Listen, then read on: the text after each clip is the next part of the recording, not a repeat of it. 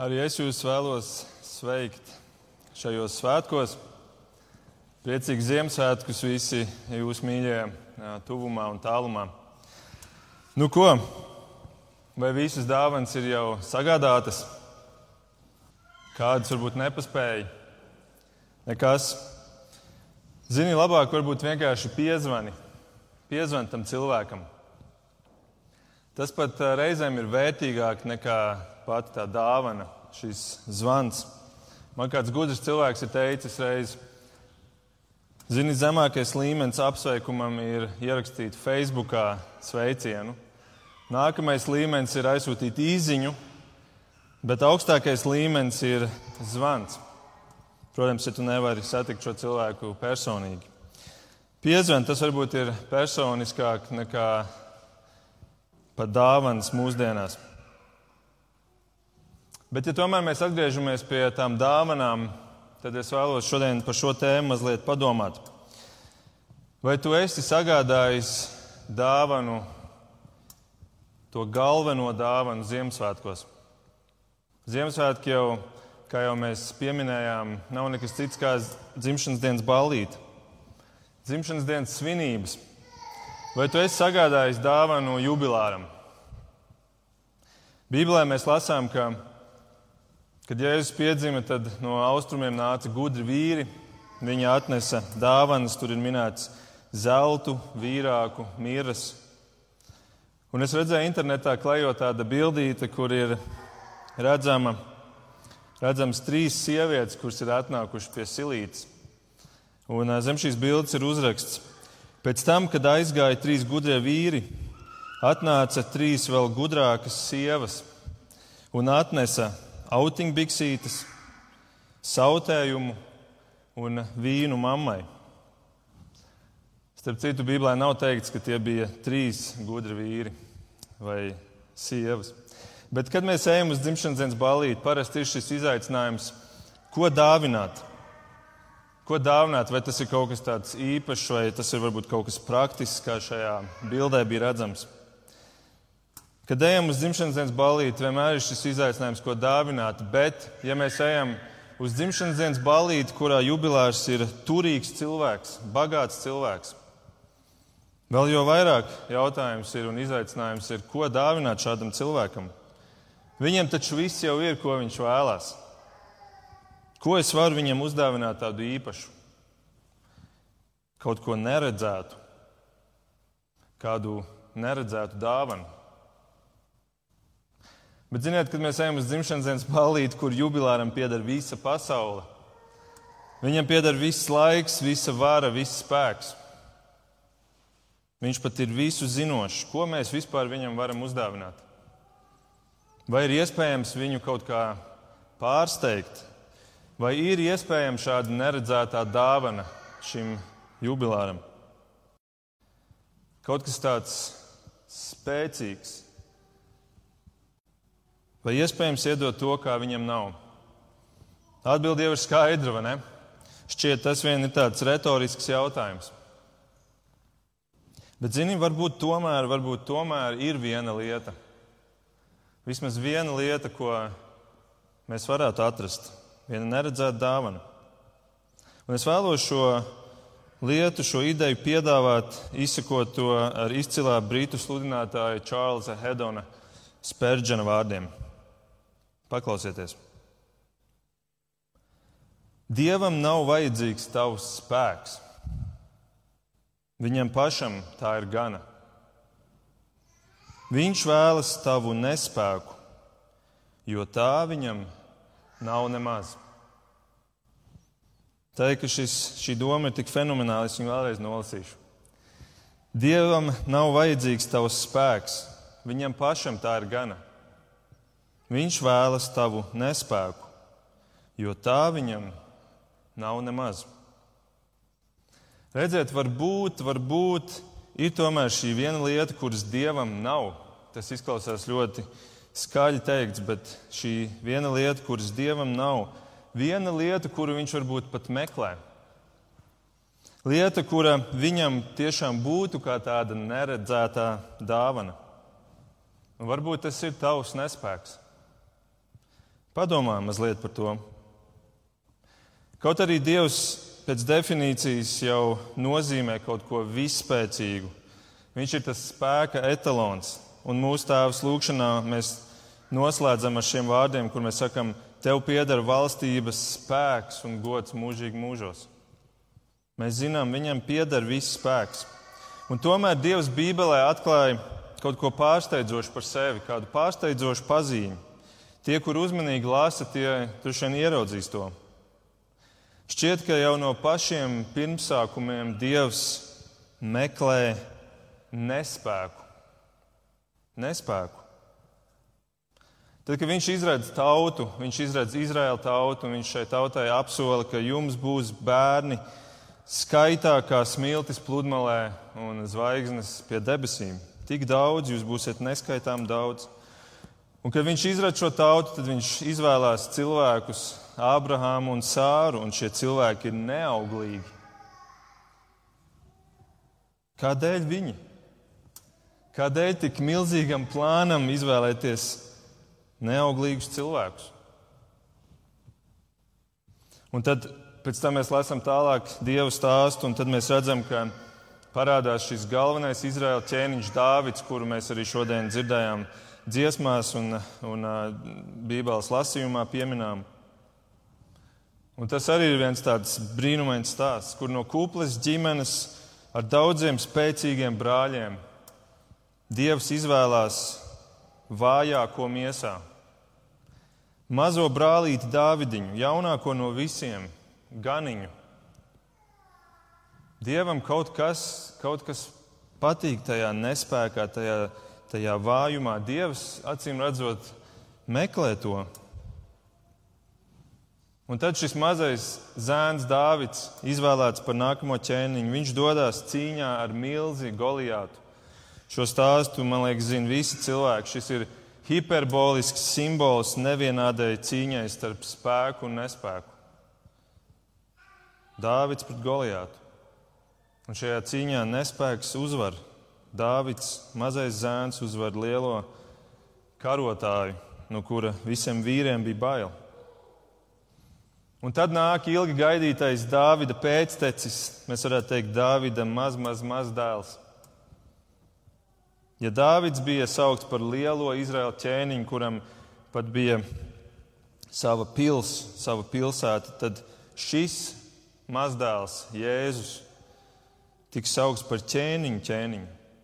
Tātad, cik daudz vairāk viņam noteikti būs templis, viņam būs pilsēta, viņam būs bagātība. Viņš noteikti piedzims Jeruzālēmē, kas bija reliģiskais centrs Izrēlā. Viņš noteikti piedzims kādā aristokrātiskā, dišciltīgā ģimenē, bagātiem vecākiem, greznā namā, apzeltītā gultiņā gulēs. Nu, tāds īsts spēka simbols šai pasaulē. Ja jau dieva dēls nāk, nu tad ar spēku. Un tādu gaidīja cilvēku viņu, un mēs viņiem to nevaram pārmest. Bet šodien mēs esam gudrāki par viņiem, jo mēs zinām, kā viss izvērtās. Mēs zinām, ka viss notika pilnīgi pretēji. Ķēniņa, ķēniņa, Jēzus mamma ir jauna, pusaudze Marija. Jēzus tēvs Jāzeps ir vienkārši galdnieks. Viņi dzīvo Izraēlas bēdu ielā, Nāceretē, no kuras tauta teica, nāk tikai dzīves pabērni. Un tad Jēzus piedzimst Betlēmē, šajā mazajā, klusajā, nenozīmīgajā ciematā Betlēmē.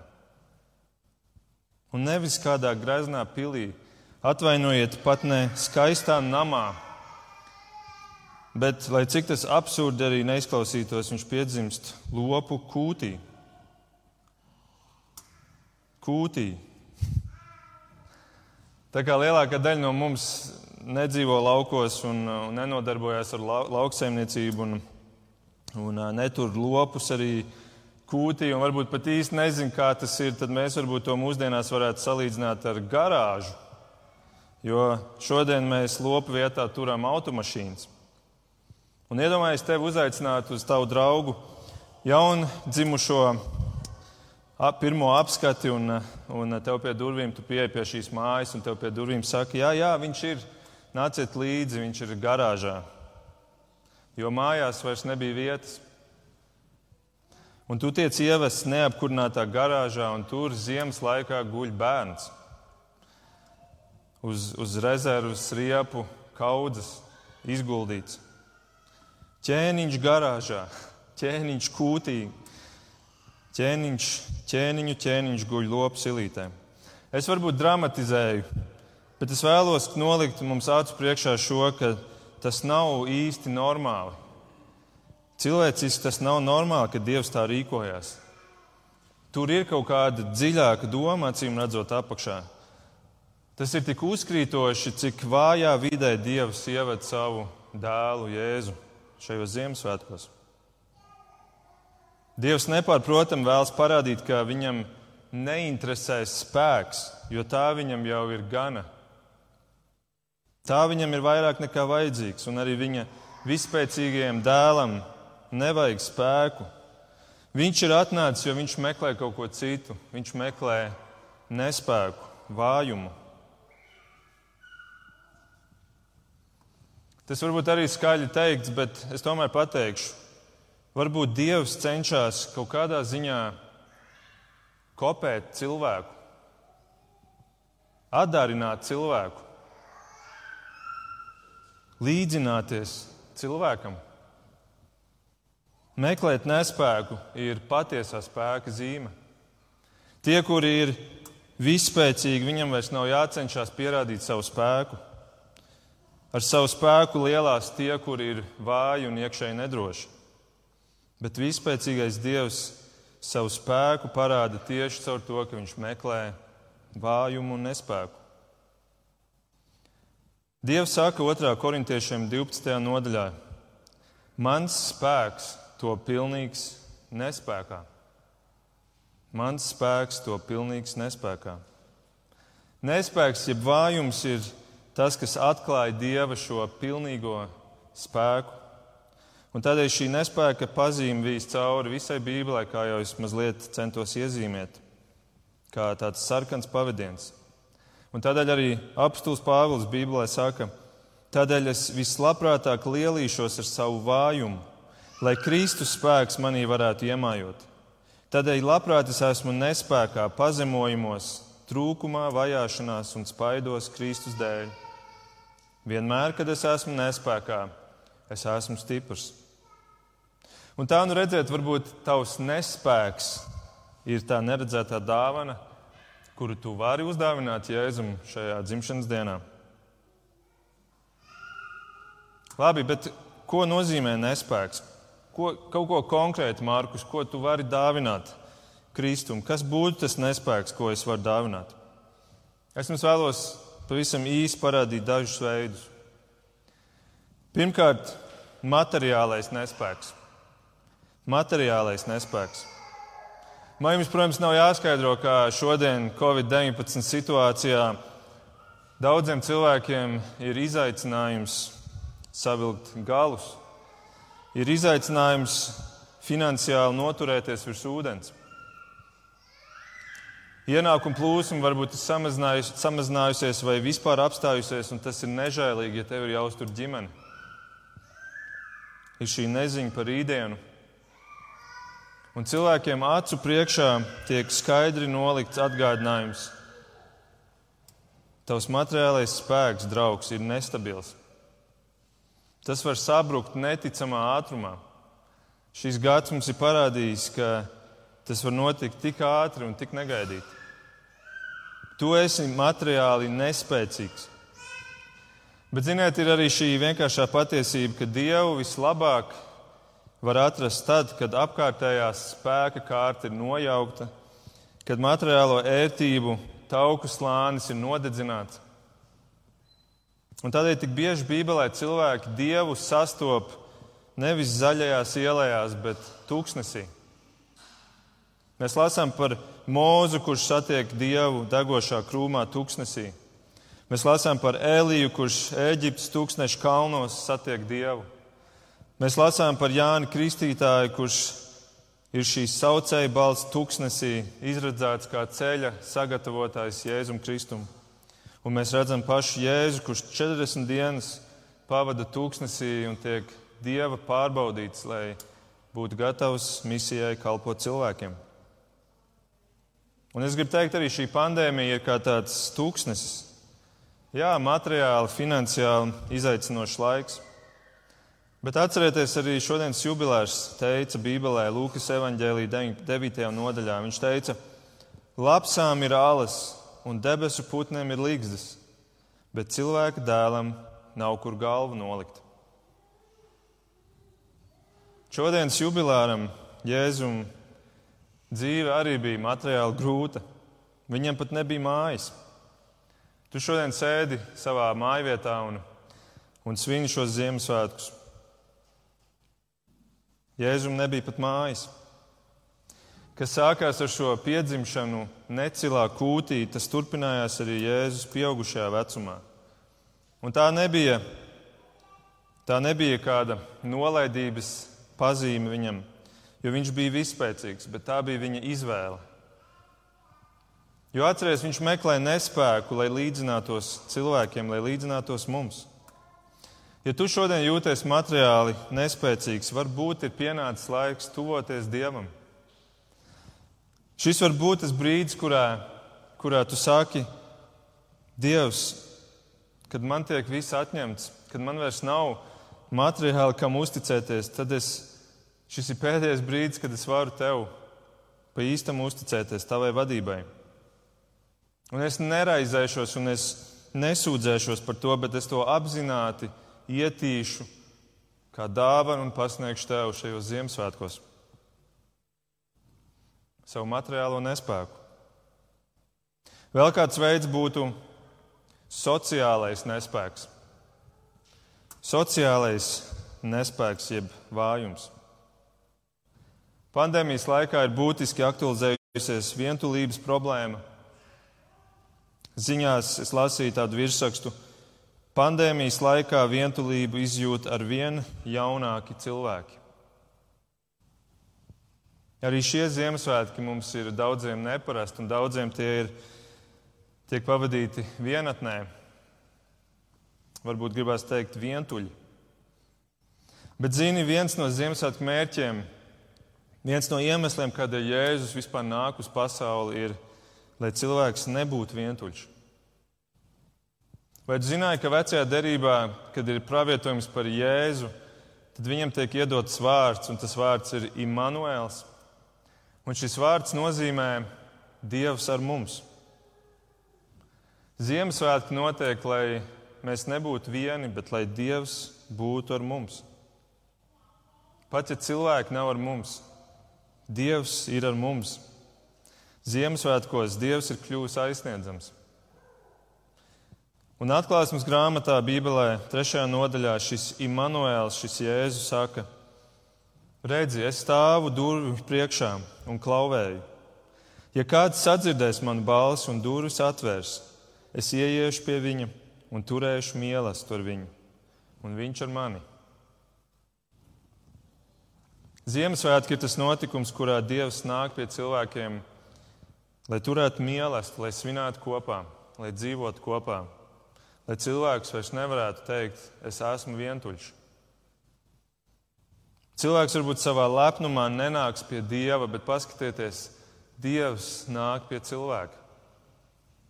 Dod Dievam savu sociālo nespēku, savu vientulību, dot atkal to kā apzinātu dāvanu, iesaiņot to un pasniedz viņam un, un saka viņam, tevis dēļ es vairs nebūšu vientuļš. Ja tu man esi, ja man pat neviena cilvēka nav apkārt, man ir viss, kas man ir vajadzīgs. Materiālais nespēks, sociālais nespēks. Vēl viens nespēks varētu būt mīsīgais nespēks miesīgais nespēks. Protams, mēs zinām, šis gads kopš iepriekšējiem Ziemassvētkiem iegāja pilnīgi negaidītās sliedēs. Numur viens lieta, par ko mēs iespējams šajā gadā satraucāmies, bija mūsu veselība. mūsu miesas stāvoklis.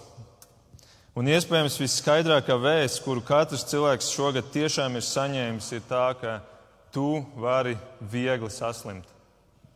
Tu esi viegli ievainojams. Tu esi miesīgi nespēcīgs. Un tā mēs nodzīvojam šo gadu ar satraukumu par to, vai nesaslimsim. Kad Jēzus atnāca uz šo zemi Ziemassvētkos, kā šis mazais bērns, kā šī mazā miesiņa, viņš izvēlējās pieņemt šo ievainojamo apvalku miesu, šo, kā jau minēju, šo nespēka pazīmi. Un mums ir tieši sakars ar šo viņa miesu. Jo pēc tam, kad Jēzus jau aiziet no šīs pasaules, par viņa miesu kļūst kurš? Bībelē saka, draudzene. Dieva draudzene tagad ir šī Kristus miesa, kura Ziemassvētkos piedzima kā maza miesa. Šodien šī Kristus miesa esam mēs. 1. korintiešiem 12. Pāvils raksta draudzēji un saka, jūs esat Kristus ķermenis. Tādēļ, starp citu, šodienas dzimšanas diena ir savā ziņā arī dzimšanas diena mums draudzēm. Tur piedzimst miesa, kura vēlāk kļūst par draugu. Bet līdz ar to, ko es vēlos teikt, mums nevajadzētu brīnīties un mums nevajadzētu sagaidīt, ka mēs nodzīvosim bez miesas vājuma šajā dzīvē. Mums nevajadzētu brīnīties, ja mēs piedzīvojam nespēku un uzbrukumus miesai, pat ciešanas miesā. Ja jau Jēzus, mēs zinām, viņš savā dzīvē ar savu miesu to izcieta, tad nesagaidīsim perfekto dzīvi šeit. Ja mūsu kungam tās nebija šeit, perfektās dzīves. Neuztversim šo dzīvi kā pašsaprotamu, pelnītu rožu dārzu, kuru, kurš tajā brīdī, kad tas mums tiek atņemts, mēs sākam kurnēt un sūdzēties. Katra diena patiesībā ir dāvana un, un dieva žēlastība, ka mēs varam būt dzīvi. Un, un visas tās dienas, kas ir jau aiz mums, ir jau nepelnītas dāvanas, ko mēs esam no viņa saņēmuši. Šodienas izaicinošais pandēmijas periods ir labs atgādinājums, ka mēs dzīvojam no Dieva žēlastības. Un tad arī mēs caur šo šajā laikā varam pierādīt, ka mēs uzticamies Dievam. Un arī šo es aicinu iesaņot kā dāvanu un, un pasniegt Kristumu. Nevis iet bailēs. Protams, kādam no mūsu dēliem iekrīt šī, šī lielākā dāvana. Un tas izaicinājums parasti ir, kā mēs viņu varam paslēpt līdz 24. decembrim. Viņu ir visgrūtāk paslēpt. Un arī šogad mēs šo lielo dāvanu paslēpām, mēģinājām paslēpt, bet nepagāja ne pāris dienas, kad jau dāvana bija atrasta, vārds bija izlasīts un jau visiem izziņots, un, un visi jau zina, kuram būs tā lielā dāvana. Tik lielu dāvanu grūti ir ilgi noturēt slepenībā. Un tāpat ir ar šo ceturto dāvanu Jēzum, ar šo vislielāko dāvanu. Cilvēks mēģina to turēt slepenībā. Arī šodien starp mums, kur esam šeit, starp klausītājiem, tīri statistiski ņemot, ir kādi, kuri šo dāvanu šobrīd cenšas turēt slepenībā. Slēpt no cilvēkiem, bet slēpt arī no dieva.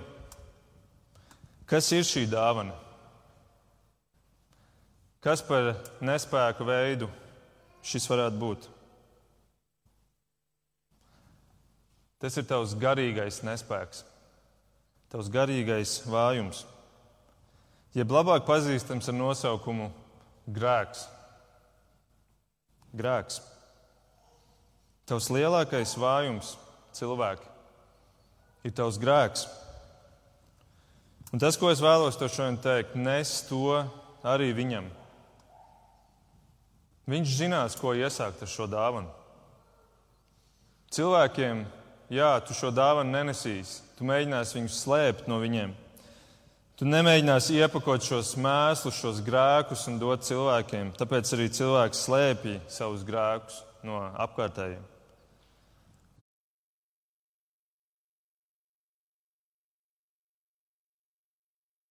Bet zini, Jēzus par viņiem priecāsies. Jo vēlreiz Dievam nav vajadzīgs tavs spēks. Viņam pašam tā ir gana. Viņš vēlas tavu nespēku, jo tā viņam nav nemaz. Viņš zina, ko iesākt ar šo tavu garīgo nespēku, ar grēku. Patiesībā viņš Ziemassvētkos nāca uz šo pasauli tieši šīs ceturtās dāvanas dēļ, šī grēka dēļ. Viņš nāca ar šo kliedzoši uzkrītošo nespēka kontekstu, statusu, lai neviens, lai neviens cilvēks nejustos pārāk zems, lai tuvotos viņam. Un to mēs redzam šajā Bībeles notikumā, ka viszemākie visvājākie, visneaizsargātie varēja nākt pie Jēzus uz šo kūti un nejusties pārāk zemi, pārāk necienīgi. Mēs tur redzam šie vienkāršie gani, tāpat kā toreiz ķēniņš Dāvids reiz bija gans. Šie gani nāk pie Kristus un nejūtās pārāk zemi, lai tur ierastos. Nezinu, vai viņi būtu gājuši ķēniņa pilī, bet kūtī kūtī, kurā viņi ikdienā ved arī savus lopiņus. Viņi ienāca un viņi bija klāt. Un tāpat arī varēja nākt bagāti cilvēki, austrumu gudriem. Bagātie un nabagie varēja nākt pie Kristus. Un šādi Jēzus sāka savu zemes dzīvi, un tāpat viņš arī to pabeidza. Tas vijās cauri visai viņa dzīvei. Dzīves sākumā pie viņa uz kūtiņa nāca viszemākie ļaudis. Un šī zemes dzīvi, karājoties pie krusta, viņš pabeidza blakus viszemākajiem cilvēkiem, krimināliem noziedzniekiem. Jo viņš pats sevi bija pazemojis līdz noziedznieka līmenim, viszemākais no zemākajiem. Tāds ir šis ķēniņš, ķēniņš. Viņš ir tas īstais tautas ķēniņš, ja mēs tā varam saukt. Tāds viņš ir. Un viņš to dara, lai tu zinātu, ka viņš ir gatavs ņemt tavu grēku. Viņš to vēlas, jo viņš tevi mīl. Dievs tik neparasti pasauli mīl. Dievs tā pasauli mīlēja, ka deva savu vienpiedzimušo dēlu, lai ik viens, kas viņam tic, nepazustu, bet lai tam būtu mūžīgā dzīvība. Pasaka man, vai tā nav neredzēta dāvana? ka radītājs nāk pie cilvēka, lai atdotu savu dzīvību par viņu. Tā ir neredzēta dāvana. Neredzēta dāvana mums. Šādu lietu jūs neredzēsiet nekur citur reliģijās. Nevienā reliģijā tu neredzēsi šādu dieva gājienu. Bet te mēs redzam, šī neredzētā dāvana attiecas uz abām pusēm. Tā iet abos virzienos. Mēs viņam dodam savu nespēku, kā viņam neredzētu dāvanu, un viņš mums dod savu dzīvību, kā neredzētu dāvanu mums. Citiem vārdiem sakot, atdodot Dievam savu nespēku, mēs pretī saņemam Dieva spēku, mūžīgo dzīvību. Tādēļ, mans draugs, es tev aicinu dot viņam šo neredzēto dāvanu, savu grēku, Tev šī dāvana ir gatava, tev nav viņa jāgatavo. Šī dāvana ir iesaņota, viņa ir labi paslēpta. Bet velc to ārā un dod to viņam, atdod to šodien. Šodien šis gads ir tas labākais brīdis, lai to darītu. Nožēlo savus grēkus, atgriezies no saviem grēka ceļiem un griezies pretī Dievam, savam radītājam. Atzīsti Jēzu Kristu šodienas jubilāru par savu glābēju, par savu kungu un seko viņam un dzīvo piepildītu dzīvi. Nepatur, nepatur šo grēku pie sevis, jo šis grēks būs tas, kas tev aizvedīs postā, mūžīgā postā. Atdod to Kristumu, jo tu tāpat viņu nespēji slēpt no Kristus. Un pirms tu nes viņam visu pārējo, pirms tu viņam nes zeltu un miras un vīrāku. Pirms tu viņam nes autiņu, bikses un sautējumu un vīnu, pirms tu viņam nes materiālo un sociālo un miesīgo vājumu, atnes viņam šo lielo dāvanu, savu grēku. Un tad tu varēsi teikt kopā ar Bībeles apakstulu Pāvilu, kurš saka, uzticami un pilnīgi atzīstami ir vārdi, ka Kristus Jēzus ir nācis pasaulē glābt grēciniekus no kuriem pirmais esmu es. Tātad, vai tu esi izlēmis, ko tu dāvināsi Kristum šajos Ziemassvētkos, viņa dzimšanas dienā? Es ceru, ka tu esi. Bet, ja tu vēl neesi, tad atceries, ka labs sākums ir zvans. Piezvan viņam, un es to saku nopietni, atvēl laiku, sarunāj ar viņu. Atvēl laiku šajos Ziemassvētkos, ka nenotiek tā, ka šie Ziemassvētki ir par visu pārējo, par visiem pārējiem cilvēkiem, bet ne par šo galveno jubilāru Jēzu. Piezvan viņam. Un ko tu teiktu, ja mēs to izdarītu tagad kopā?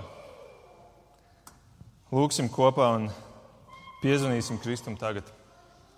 Lūksim Dievu. Mīļais Kungs, Jēzu, paldies, ka Tu nebaidījies nākt uz šo pasauli.